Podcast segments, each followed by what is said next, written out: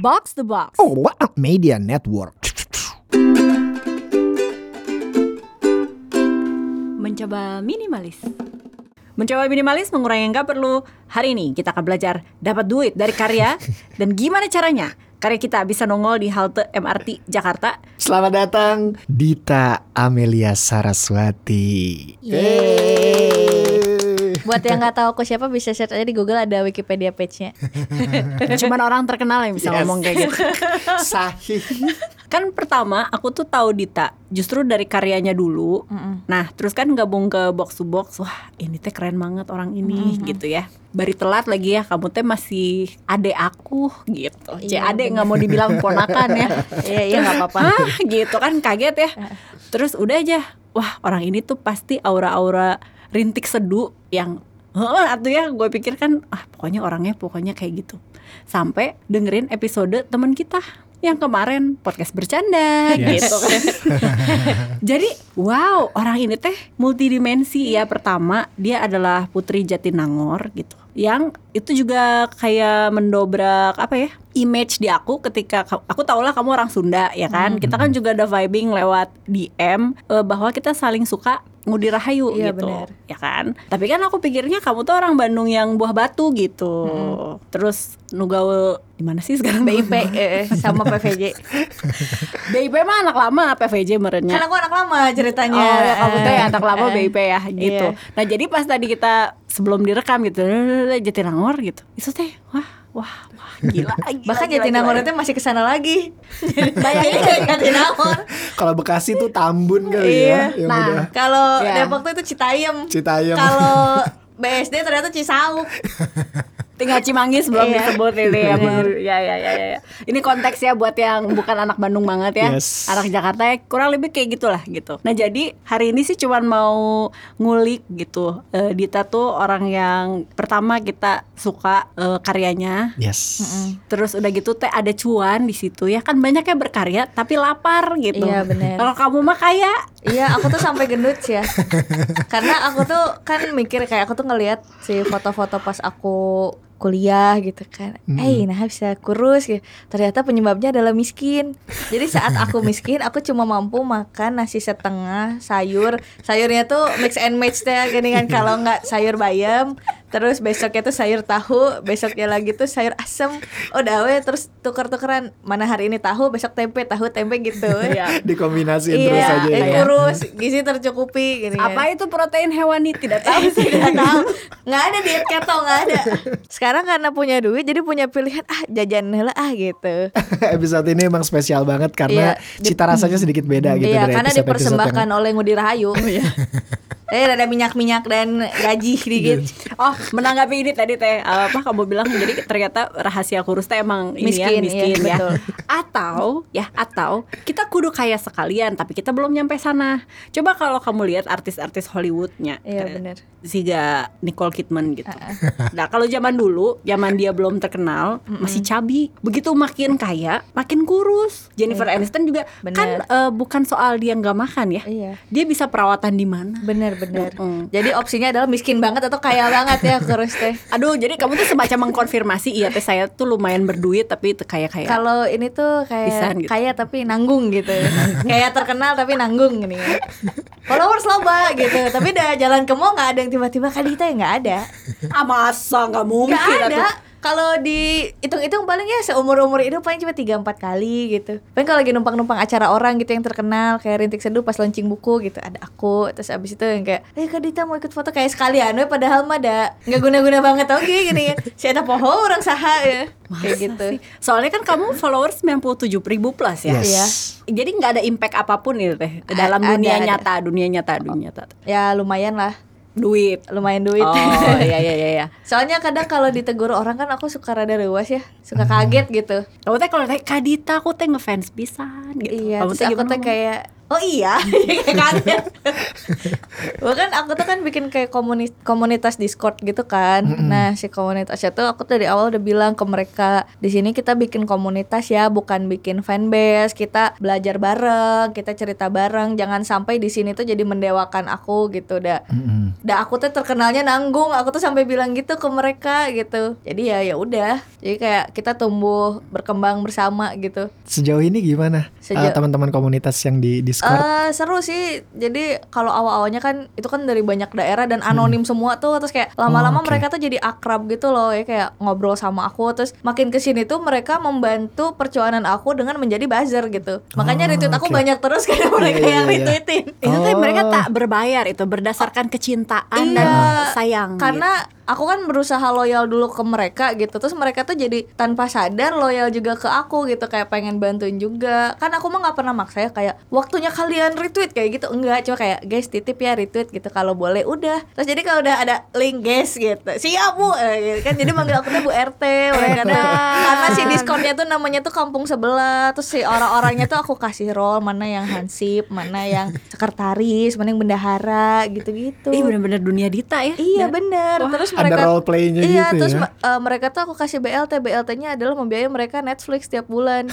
Jadi Nah, kita eta itu kita tuh itu apa eh, kan suka nonton bareng ya Terus Iya, waktu iya. itu ada yang pada komplain e, Bu udah nggak punya Netflix. Ih kalian teh beli di Twitter. Ih ngerakeun ih. Kamu pikirnya dibayarin teh yang dibayarin lu bener gitu.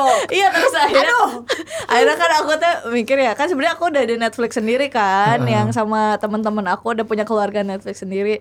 Terus kayak akhirnya ya udahlah berapa sih sebenarnya Netflix sebulan tuh kalau full oh segini ya udah aku spare segitu setiap bulan jadi mereka tuh pakai ganti-gantian iya kan Iya, aku- iya, iya. kan kalau sekali nonton nggak akan langsung lima layar Benar, benar, benar, Maksudnya kayak ah pengen nonton dulu pengen nonton dulu gitu Jadi Ya, berapa kurang lebih orang-orang ini si komunitas? ada 200-an sekarang Wih, Gokil. edan. Ah. Semua daerah tuh ya, seluruh Eh, daerah, seluruh Indonesia. Kalau kemarin tuh yang udah sempet aku temuin tuh yang di Jakarta, Bandung, terus kayak ada yang di Jogja, ada yang lucu, ada yang tiba-tiba kerja di Jepang. Wih. Iya, terus ada yang di Makassar kayak gitu-gitu. Jadi banyak lah terus aku juga jadi belajar sama mereka juga kan. Terus kayak Heeh. kita tuh kan banyak kelompoknya ya, ada yang buat game, ada yang buat nonton, ada yang buat hobi, apa nyari kerja. Terus ada juga yang cinlok. Jadi aku teh baru sadar mereka mereka tuh kan kadang suka cerita ya ke aku gitu. "Eh, bu aku gini gini gini. Terus ada satu lagi yang cerita bu aku gini gini gini. Kalem nah sama gitu ya ini tuh ceritanya. Ternyata usut punya usut mereka tuh cinlok Cinlok di, di situ. Discord terus itu. aku tuh kayak ih kalian tuh ngapain aja selama ini di belakang aku Gitu. Enak-enak dong. Enak-enak. lucu lucu pisan eh tapi kan berarti kalau jadi kamu akan mendapatkan apa? rumah di surga Rumah di surga. Iya. jadi aku tuh gitu udah eh, KPR di sana lewat warga-warga aku gini Goks. goks Goks ya, nggak apa-apa lah, nggak ada duit belum, belum yang kumaha gitu ya duit Iya. nana, tapi dapat rumah di surga. Iya, yang penting cukup lah duit di dunia buat sombong gitu. Tiba-tiba punya PS5 gitu kan, Iya, iya. tiba-tiba ganti PC gitu.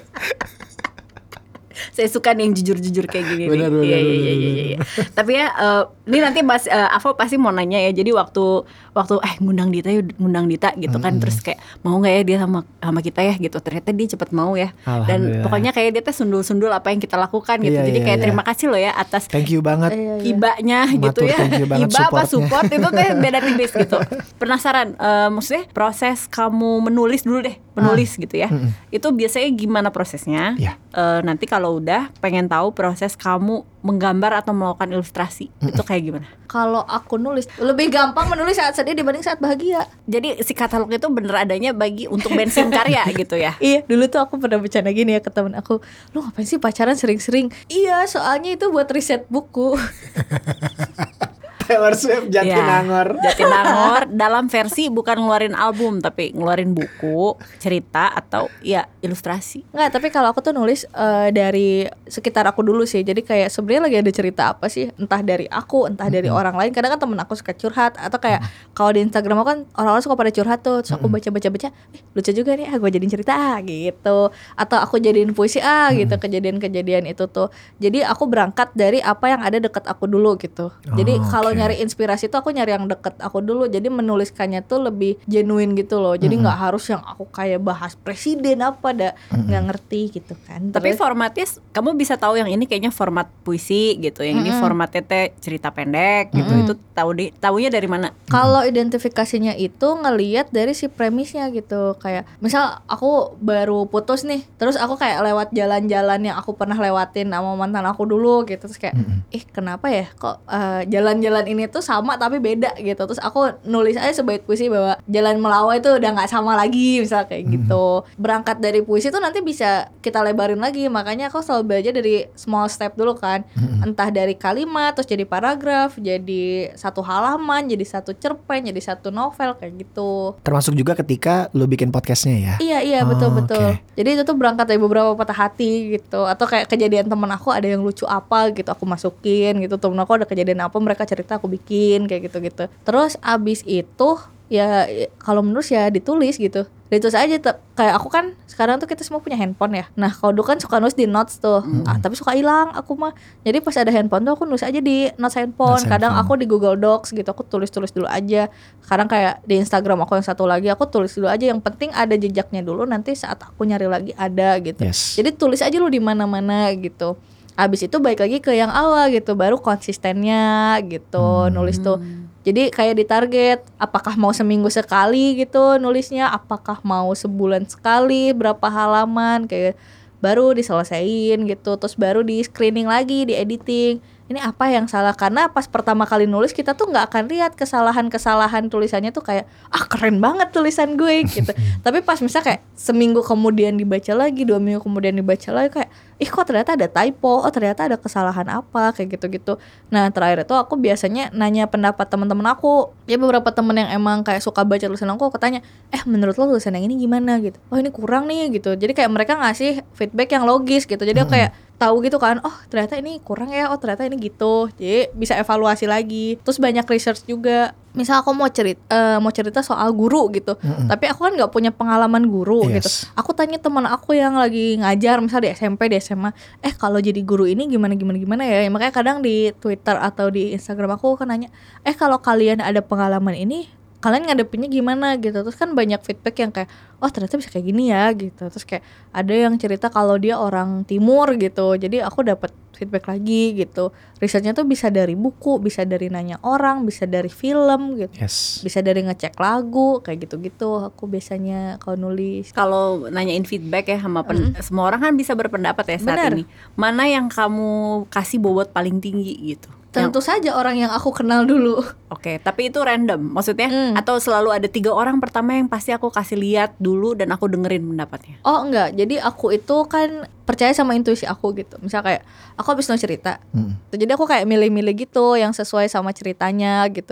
Atau yang kayak punya pengalaman mirip gitu. Jadi lebih enak gitu dapat feedbacknya dibanding yang kayak aku ke orang yang kayak misal dia sama sekali tidak suka baca gitu. Terus kayak aku maksain dia harus baca ini. Entar tuh feedback dia tuh jadi kayak bikin bete doang gitu loh. Sedangkan kita kan Iya, nanya feedback tuh mau perbaikin tulisan gitu. Sebenarnya yang salah tuh apa? Bukan yang pengen dijelek-jelekin loh tulisan gue kayak Yes. gitu. Gimana caranya ya kita ya berkarya, bikin sesuatu ya, happy, dapat duit, brand suka. Nah, kan susah ya. Itu empat layer itu. Kan hidupnya pilihan ya.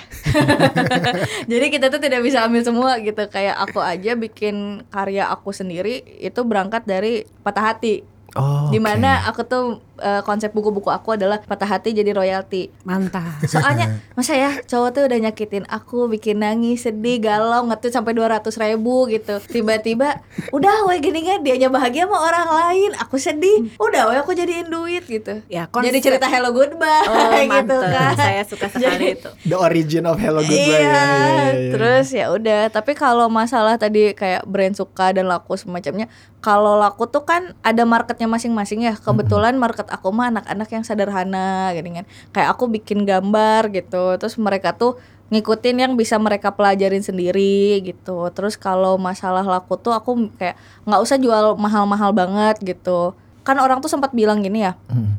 Dit kan kamu followersnya udah banyak Kenapa sih jual gambar kayak cuma segitu aja? Gitu kan Aku range di 100 150 ribu per gambar gitu. Terus aku bilang ya ngapain jual banyak banyak eh apa harganya mahal-mahal tapi nggak laku gitu yang mending aku mah misalnya aku satu gamis 150 terus ada yang mesin 100 orang itu udah 15 juta sendiri Iya. udah bisa beli PS5 tiga Yang pre-order teh susah pisan. iya Aduh. iya terus ya udah kan maksudnya tahu marketnya di mana gitu dan itu juga kan hasil trial error gitu terus kalau masalah brand suka mah yang penting klien minta apa aku iya kecuali kalau udah revisinya banyak tuh baru aku ngomel-ngomel lewat manajer aku Ren gue capek gitu ya ya gue bilangin gue bilangin gitu By the way konteks ini berarti Randy Rens Management ini iya. adalah Yes. manajer Anda Iya begitu? betul. Jadi Oke. dulu tuh emang kita bikin kayak semacam manajemen dulu namanya Happy Kingdom gitu. Terus dulu aku masih desainer, belum terkenal, masih kunyit. Kan miskin ya dari cerita awal bahwa aku cuma makan nasi porsi setengah sayur gitu ya. Protein nabati teh ya. Terus ya udah gitu. Pas ke sini ke sini kan kayak ada keajaiban di mana akun aku tiba-tiba meledak gara-gara aku cosplayin karakter komik gitu. Oh, Iya. sempat sempat cosplayer juga ya? cosplayer komik lokal tapi masalahnya Oh, oke. iya baru deh kayak ngerasa aku ternyata bisa menjual tampang aku gitu jadi aku waktu itu tuh kan dari yang aku gambar motret apa aku stop semuanya lalu aku posting sampai-sampai aku gitu naik ternyata sampai 10k 13 berapa berapa berapa terus aku ba- baru mulai kayak ada job masuk dari mana mana mana mana gitu. Terus aku udah mulai rada kewalahan nih kayak aduh nggak ngerti gitu harus offer ke kliennya. Rasa-rasa tuh harga aku kemurahan tapi kalau aku bergen tuh nggak berani gitu kan karena nggak punya power. Akhirnya aku ngobrol sama Randy Randy gimana ya? Karena kan emang udah kenal lama ya. Ya udah eh, lo coba gini gini gini gini. Oh gimana kalau lo ajarin yang jadi manajer gue? Kayaknya lebih praktis gitu. Udah tuh deal-dealan persenan apa dari 2017 tuh awal aku di Jakarta sampai sekarang dipegang sama Randy gitu. Terus kayak kadang aku juga bantuin Randy scouting talent talent kayak teman-teman aku kayaknya wah bisa nih cuan gitu. Ren ini diasuh gitu.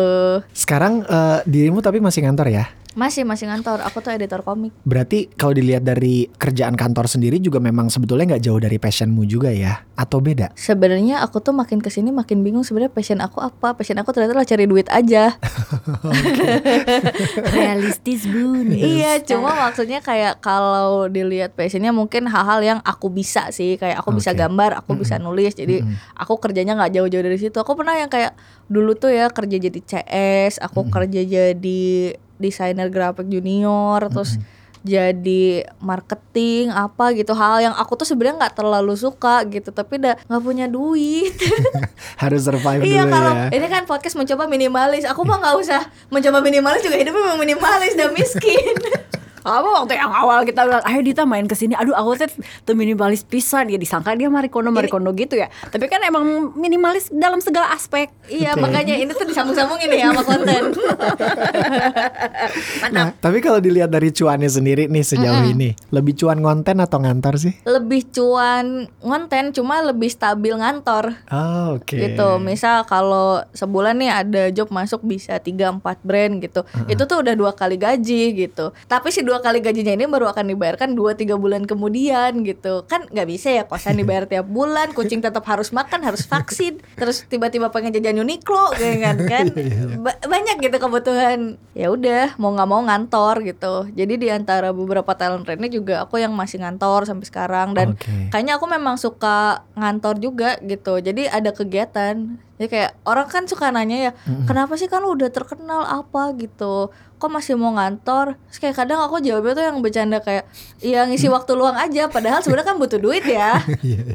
dan nggak bisa hidup sama followers aja gitu. Masa aku tuh tiap bulan harus memaksa followers aku untuk membeli karya aku gitu. Itu kan aku rada-rada menggantungkan hidup aku ke orang lain gitu Iya, tapi iya. kalau aku bekerja itu aku cukup responsibel sama diri aku sendiri kayak gitu jadi yang lainnya bonus Tapi berarti kamu udah siap gak sih dengan ada akan ada satu masa di mana permintaan brand jadi lebih banyak gitu ya. Sampai akhirnya oke nanti ada satu titik aku lepas ngantor. Atau sebenarnya kamu suka ritual itu bahwa ada ada keseharian, ya udah nanti di di sisa waktu yang selain ngantornya walaupun kamu dapat stabilitas ya dari kantor, ya udah emang itu waktu waktunya aku pakai buat berkarya gitu. keahlian saya adalah bekerja di bawah tekanan dan mepet-mepet gitu. Jadi biar hidup tuh ada dinamikanya gitu. Kan kalau hidup enak jadi kreator gitu, "Ah, udah ngurusin brand aja gitu. Apa duitnya banyak tapi kayak nggak ada tanggung jawab lain gitu. Gregetnya hilang iya, gitu ya. jadi kayak ya udah aja toh selama masih kuat gitu.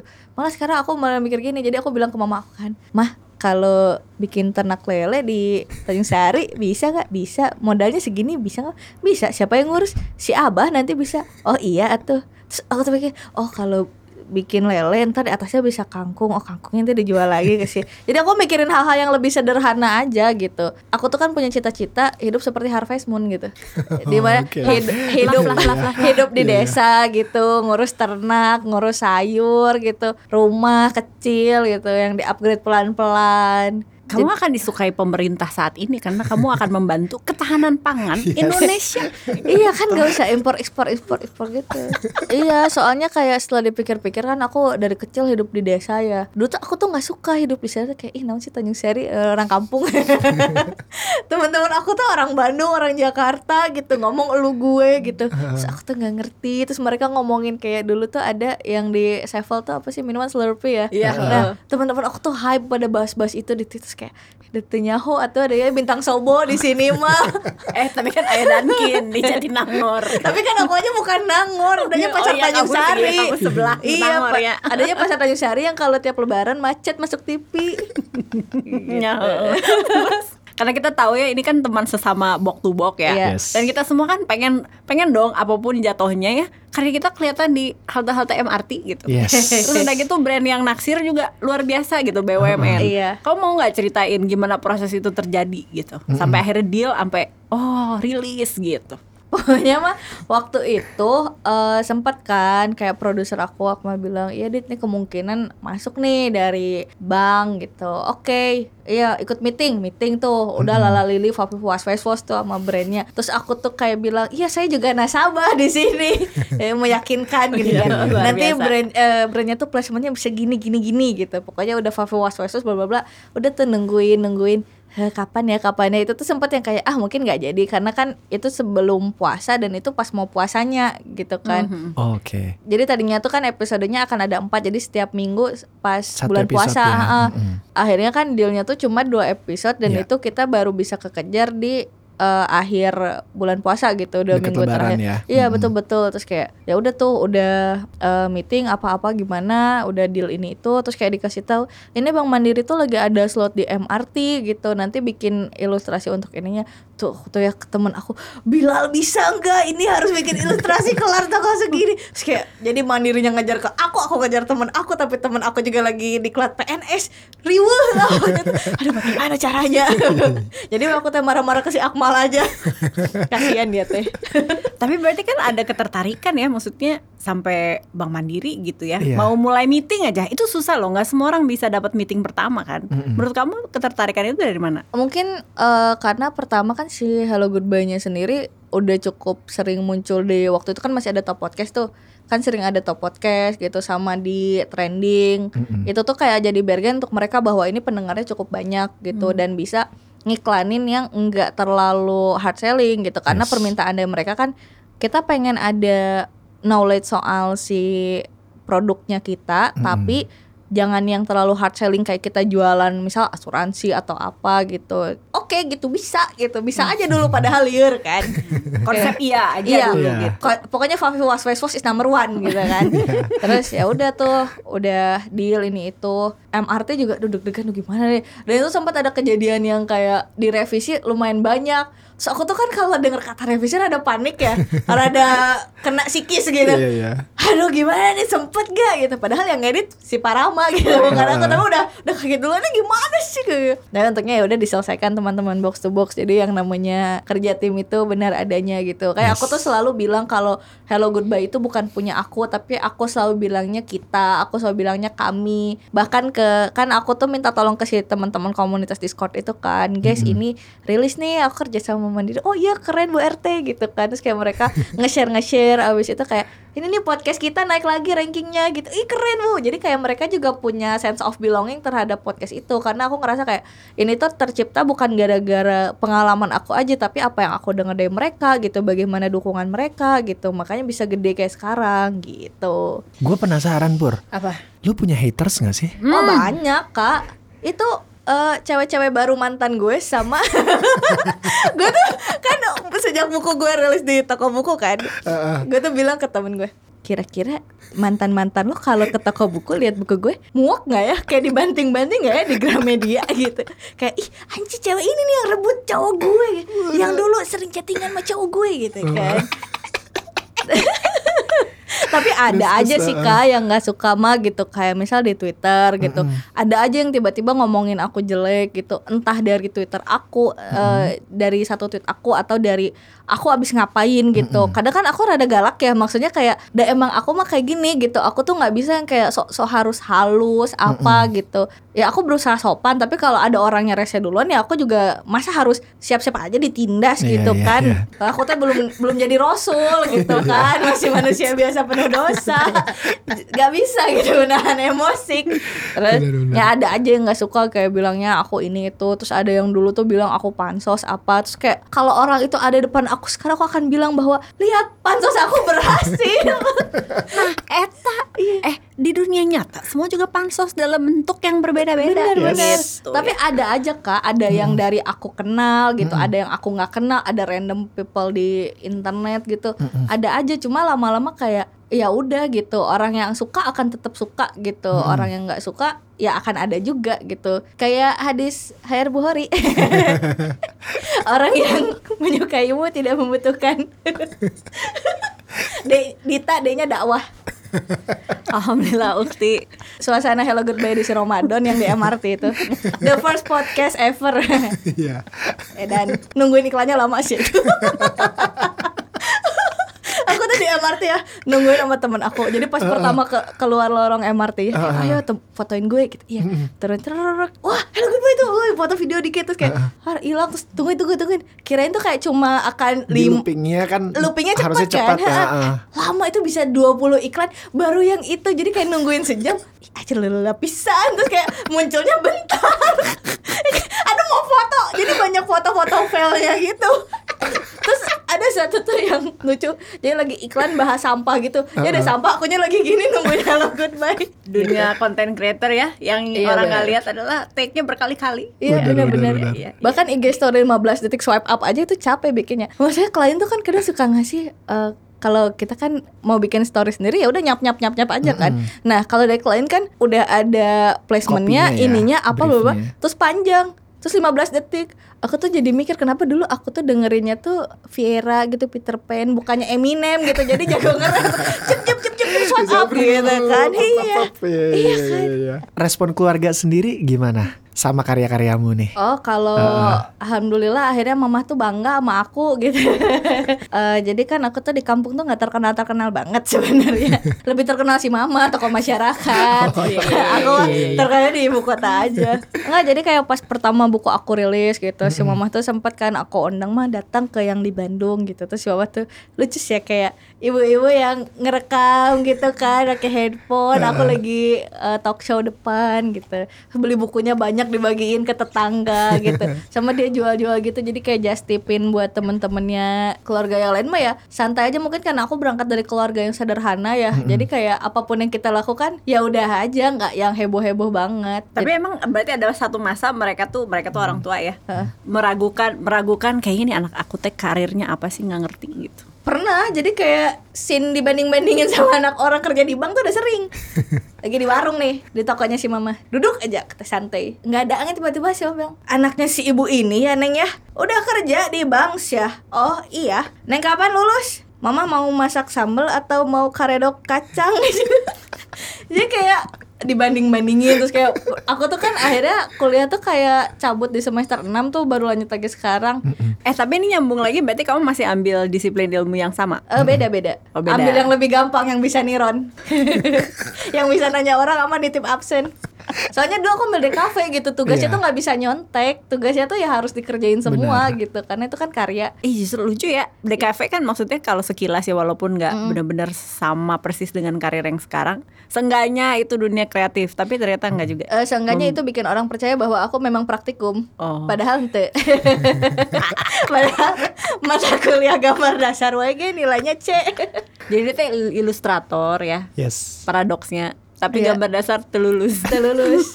Soalnya waktu itu gambar aku masih jelek jadi aku tuh baru belajar gambar tuh pas udah di Jakarta lagi Oh, jadi pas di. Bandung tuh aku eh, sempet kayak aduh nggak mau kerjaan desain gitu karena capek gitu udah malah dibayarnya sedikit di Bandung makan gitu Ini gue tahu nih. Ini adalah spirit orang Sunda ya, Iya. tidak hanya Bandung ya. Mohon maaf nih.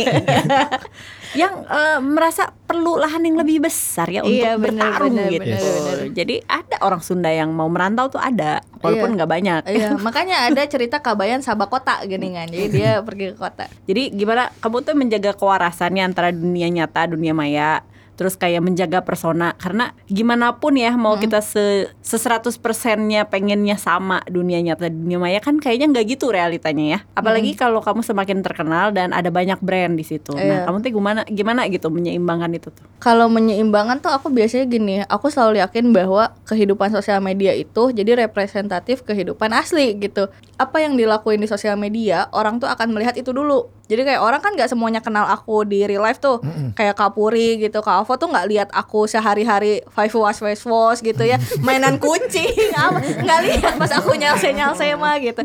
Tapi caranya itu adalah minimal saat orang melihat kita itu ya emang aku seperti itu gitu. Mau rahasiain apa tuh dan nanti di akhirat kita dibongkar semuanya. Mending ayo nah sekalian jadi pas kita era Mending dibacain dari sekarang Iya. ya. Iya, iya, iya. ada mau kaget gitu bater ada sih emang gitu hanya di podcast gitu.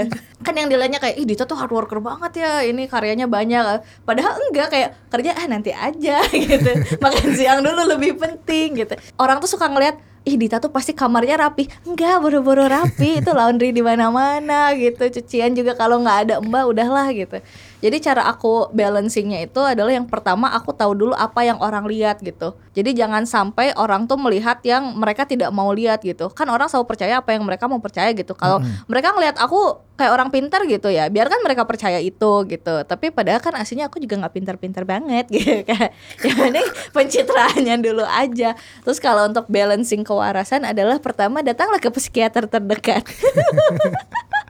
Ah, jadi aku tuh juga pernah yang kayak mental breakdown apa cuma nggak aku kasih lihat ke publik gitu. Karena pertama itu bukan konsumsi publik dan itu juga bisa jadi bumerang. Jadi mereka merasa bahwa karena aku penyintas mereka kayak kak aku minta saran dong padahal aku tidak ada di kapasitas di situ gitu kan. Iya, iya. jadi kalau aku udah breakdown karena aku overwork kan kerjaan aku banyak gitu. Yes. Aku kan kerja jadi ilustrator, aku masih ngantor juga, terus lala lili di sosmed apa. Itu kan lumayan draining ya. Akhirnya aku beberapa kali ke psikiater gitu.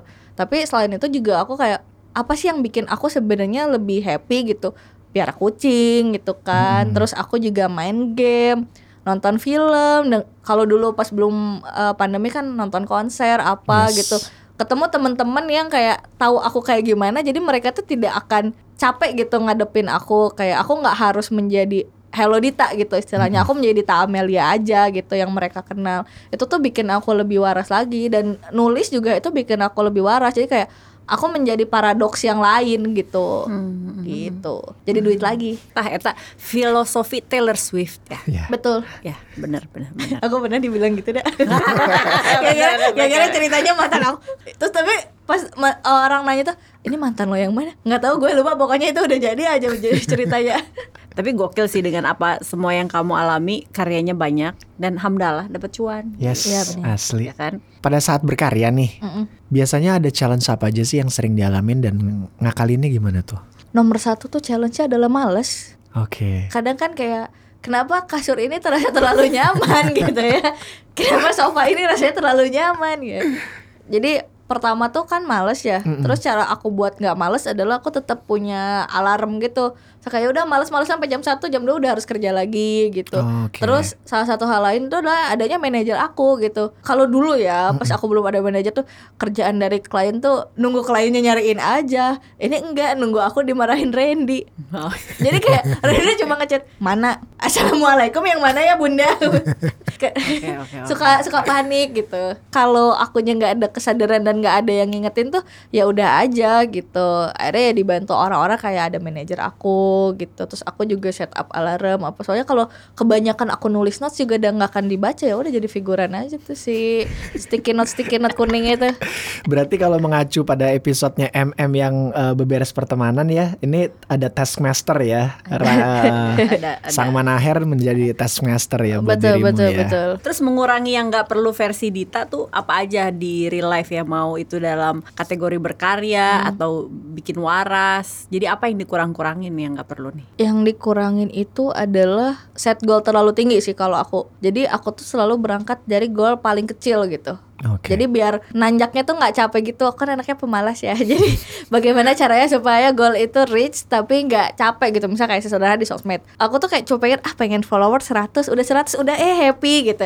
Ah pengen cobain gimana ya kalau 500 eh kejadian gitu. Jadi small steps ya itu tetap jadi kebanggaan aku sendiri gitu dan aku tuh selalu ngerasa bahwa ini tuh pencapaian yang memang patut aku banggakan juga gitu. Terus kayak misal pertemanan tuh kan sekarang suka banyak istilah teman toksik, teman toksik gitu. Mm-mm. Itu tuh kita tuh udah harus bisa milah-milih gitu. Mana sih teman yang emang datang karena butuh aja, mana teman yang emang mau support, mana teman yang kita bisa simbiosis mutualisme. Aku tuh nggak ngelihat teman pansos atau enggak gitu. Karena kadang kan misalnya aku aku temenan sama Kapuri gitu bukan gara-gara aku pengen diundang di minimalis seenaknya gitu. Atau kayak Kapuri biar bisa aku swipe up enggak gitu. Tapi kan kita simbiosis kayak sekarang Kapuri minta tolong aku tapi mungkin next time aku akan minta tolong Kapuri untuk hal lain gitu. Teman-teman yang simbiosis seperti itu gitu. Jadi jangan yang teman-teman yang emang cuma ngabisin lifestyle aja gitu. Mm-mm. alhamdulillahnya teman-teman aku tuh ya meskipun ada yang anak orang kaya apa nggak nyeret-nyeret aku kayak udah dong beli tas yang bermerek apaan sih lu sepatu lo nggak Air Jordan? gitu. Nggak ada alhamdulillah gitu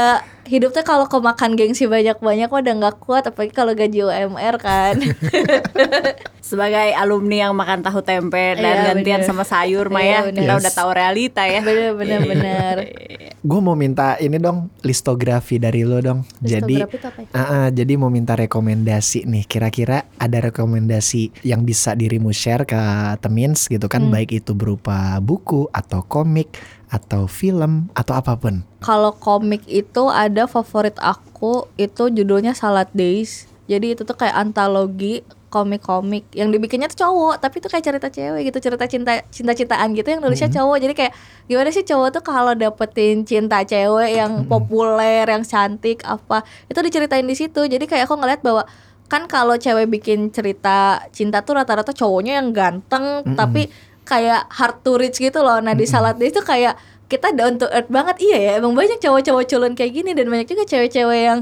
bego kayak gini gitu. Iya, iya, dan iya. itu juga salah satu yang inspirasi aku untuk nulis gitu. Oke. terus kalau lagu aku sebenarnya suka lagu-lagu Jepang sih. Mm-mm. jadi kayak aku suka Shishamo gitu Scandal band-band yang cewek. Kalau sekarang itu aku lagi suka apa ya? Oh aku lagi suka si itu Yorushika namanya. Oke. Iya jadi kalau lagi aduh bosen nih sama lagu yang itu itu aja. Ya cobain aja sih playlist playlistnya Yorushika. Ada di Spotify ada di YouTube dan lain-lain gitu. Kalau film atau serial? Kalau film atau itu series? yang selalu aku tonton lagi adalah 500 Days of Summer karena Hmm, hmm. Dita brengsek Amelia. Coba kita dengarkan ya. Gimana, gimana? Hersal, Hersal. Dengerin ini gue lanjutin ini. jadi si film ini tuh kayak menginspirasi aku untuk sadar bahwa tidak semua cerita cinta itu harus berakhir bahagia gitu. Kalau memang sudah harus putus ya sudah putus saja gitu, let it go. Itu jadi bikin aku keep it real aja. Hmm. Ya kayak gitu gitulah. Kadang kesalahan tuh bukan di cewek cowok aja, tapi di hubungannya emang ya udahlah beres-beres aja dari film itu. Karena ini masih hangat ya. Eh, Jadi gue betul. terusin nih, gue Yes. terusin nih ya. Berkarya bersama pasangan. Nah, iya apa enggak? Kalau iya kenapa? Dengan syarat dan ketentuan berlakunya meren apa gitu ya. Iya. Kalau enggak kenapa? Kasih tahu. Sebenarnya sih aku kan udah pernah ya kayak bikin podcast sama pasangan aku dulu. Disebut dong namanya. Iya, sorry gue pernah bikin PDM Andre ya. itu sebenarnya nggak apa-apa kalau memang bisa ngebedain mana ker- pas lagi kerja sama pas lagi mesra-mesraan atau berantem gitu. Oke. Jangan sampai berantem dibawa ke kerjaan, gitu. Kadang kan yang bikin jadi chaos tuh karena dua-duanya tuh punya perasaan yang kayak aduh gue tuh males kalau ketemu dia pas satu kerjaan satu project gitu. Kalau aku mah dulu aku sempat bikin komik bareng sama mantan aku gitu. Akunya mah bisa ngelanjutin gitu. Ya ayo kita kerjain cuma mantan aku nggak bisa gitu. Oke. jadi kalau memang karya-karya yang bikin sama pasangan terus kayak ada waktunya berhenti ya udah dibikin berhenti aja karyanya ya atau proyeknya ya. Iya. Oke. Soalnya kadang kalau dipaksain juga kan kita nggak bisa ngendalin perasaan orang ya, tapi Yes. kita bisa ngendalin diri kita sendiri. Jadi ya udah kalau lo ngerasa proyek ini nggak bisa dilanjut, ya udah nggak usah dilanjut gitu. Tapi eh, tadi sih kita udah sempat ulas eh, sedikit, tapi mungkin sekarang bisa lebih ke tips-tips eh, josnya nih langsung aja. Ah, betul. Untuk yang dengerin kan pasti termasuk aku ya. eh, cuan dari karya terkumaha gitu. Pertama itu harus konsisten. Kayak istilahnya gini ya kan aku Islam ya. Jadi katanya kalau udah selama 20 kali berturut-turut melakukan satu kegiatan itu tuh akan menjadi kebiasaan gitu. Kayak sholat apa. Nah, berkarya juga seperti itu gitu. Kayak gambar aja sehari satu, sehari satu dalam satu bulan tuh pasti udah kebiasaan. Tangannya tuh muscle memory. Jadi pasti nanti jadi gitu. Nulis juga ya udah sehalaman dulu atau separagraf dulu gitu. Nanti ada ada ada ada. Jadi udah selesai gitu. Nah itu tuh yang pertama adalah konsisten. Kedua itu nyari link lagi gitu. Kan suka Oke. banyak. Dulu tuh aku sempat ngomong kan di clubhouse eh, ke ilustrator-ilustrator gitu. Kalian tuh harus bisa appreciate orang-orang yang appreciate kalian juga gitu kayak diajak ngobrol, dikomenin, dibales DM-nya terus kayak kan nggak semua orang se ekstrovert lu. Lihat MBTI gue introvert depannya gitu kan. Iya iya iya. Terus kita nggak bisa terus-terusan ngomong sama orang asing tapi Yes. seenggaknya kalau ada orang yang selalu komen masa kita nggak aware gitu Iya. kan ya udah eh, kayak nge-likein komen atau apa itu juga bentuk apresiasi yang bagus gitu terus kayak berusaha temenan di komunitas gitu aku tuh link aku kebuka gede banget karena aku tuh mau temenan sama siapa gitu aku masuk dulu tuh grup-grup Facebook apa komunitas apa di Bandung gitu jadi temen aku banyak jadi kayak aku nggak punya kerjaan tuh ditawarinnya tuh sama temen aku jadi setelah orang dalam tuh benar adanya gitu kan ya Apa itu keadilan sosial? Nggak ada. Tidak ada. Kita semua menciptakan dalam. privilege sendiri. Betul, Ya, betul, ya. betul, betul. Ya, Iya. ya. Kita sepakat ya. Iya. Terus abis itu ya yang penting karya tuh kadang bukan karyanya bagus apa jelek sih, tapi karya itu selesai. Oh, Jadi oke. abis kita udah konsisten, kita udah banyak link, tapi karya kita belum selesai, gimana orang-orang itu mau baca, gimana mau lihat, gimana mau tahu gitu. tesis gua, proyek tesis gua tertohok. iya kan. Iya, iya, Jadi mau nggak mau itu selesai dulu aja. Iya, iya. Kayak Yes. skripsi juga kan kalau udah selesai kan tinggal direvisi gitu Iya, kan. Gitu. Tapi kabarnya belum ya. Belum. Nanti kalau skripsi aku udah ada aku foto gitu. Aku anaknya pamer dah. Iya, nggak apa-apa, apalagi ya Iya. ya kalau nggak dipamerin. ya. Bener. Masa udah capek nggak pamer ya. benar benar benar. Gue langsung mau muhasabah bawaannya uh, balik ke rumah langsung Ngerjain buka tesis. uh, lanjut ngerjain tesis karena kebetulan tesis gue juga gue bikin komik. Oh iya. Yes gitu. Gambar. Gue yang nulis ceritanya terus Oh. nanti kerja bareng sama teman-teman ilustrator. Oh. Gitu. Jadi Kalau Dita kan personanya gitu ya adalah romance gitu ya. Pokoknya Yes. suasana hujan gitu-gitu. Yang ini tuh dark gitu. Nih, Enggak teman sih kak kalau buka gitu. Twitter aku sih ya sit posting. iya, yang bikin aku beken tuh bukan karya-karya gambar aku, sit posting sit posting aku sama kucing. Pertama-tama terima kasih Dita kamu yang sudah terkenal ya masih mau ketemu nih sama aku belum sama kak aku Avo. belum ada verified badge-nya. Nanti kalau udah udah verified mungkin aku udah lebih sombong kayak aduh lewat Randy aja Ya, kak lewat gitu. Randy, ya, ya. Nggak apa-apa terima terima terima Terus nanti keren nih, kan nggak usah lah gitu. sering terjadi gitu. Jadi terima kasih sudah mau thank ketemu. you banget. Iya, Dita. Eh, ini sekedar ilustrasi buat yang nggak bisa lihat ya karena podcast ya. Jadi Yes. Dita tuh ya udah mau jalan kaki, Yes. kehujanan, nyasar lagi ya mau ketemu di studio. Terus sambil ya teh eh, baju udah baju, baju tidur. Jadi kita merasa bersalah kayak dia tuh sebenarnya udah mau bobo ya, tapi kayak udah ketiduran tadi tuh aku tuh kayak nungguin kabar Kapuri nggak ngechat mulu ini mana gitu jadi aku tuh sampai ngelarin 15 menit sekali sampai akhirnya aduh otw ah takut soalnya takut telat gitu Gila ya kita teh padahal tidak ada kontrak ya Yes. kita bukan klien tapi dia teh sebegini militan jadi Sparta ya banget. kamu harus tahu Sparta bagaimana banget. dia kalau berkarya dan Yes. apalagi mencari duit pasti Iya, lebih dari ini gitu. kan kalau sama hal yang kecil aja kita profesional gimana ke hal yang lebih gede halo bang mandiri boleh lagi placement Repeat order ditunggu ya, ya kan. terima kasih Dita iya terima kasih Kapuri Kavo dadah Bye bye. mencoba minimalis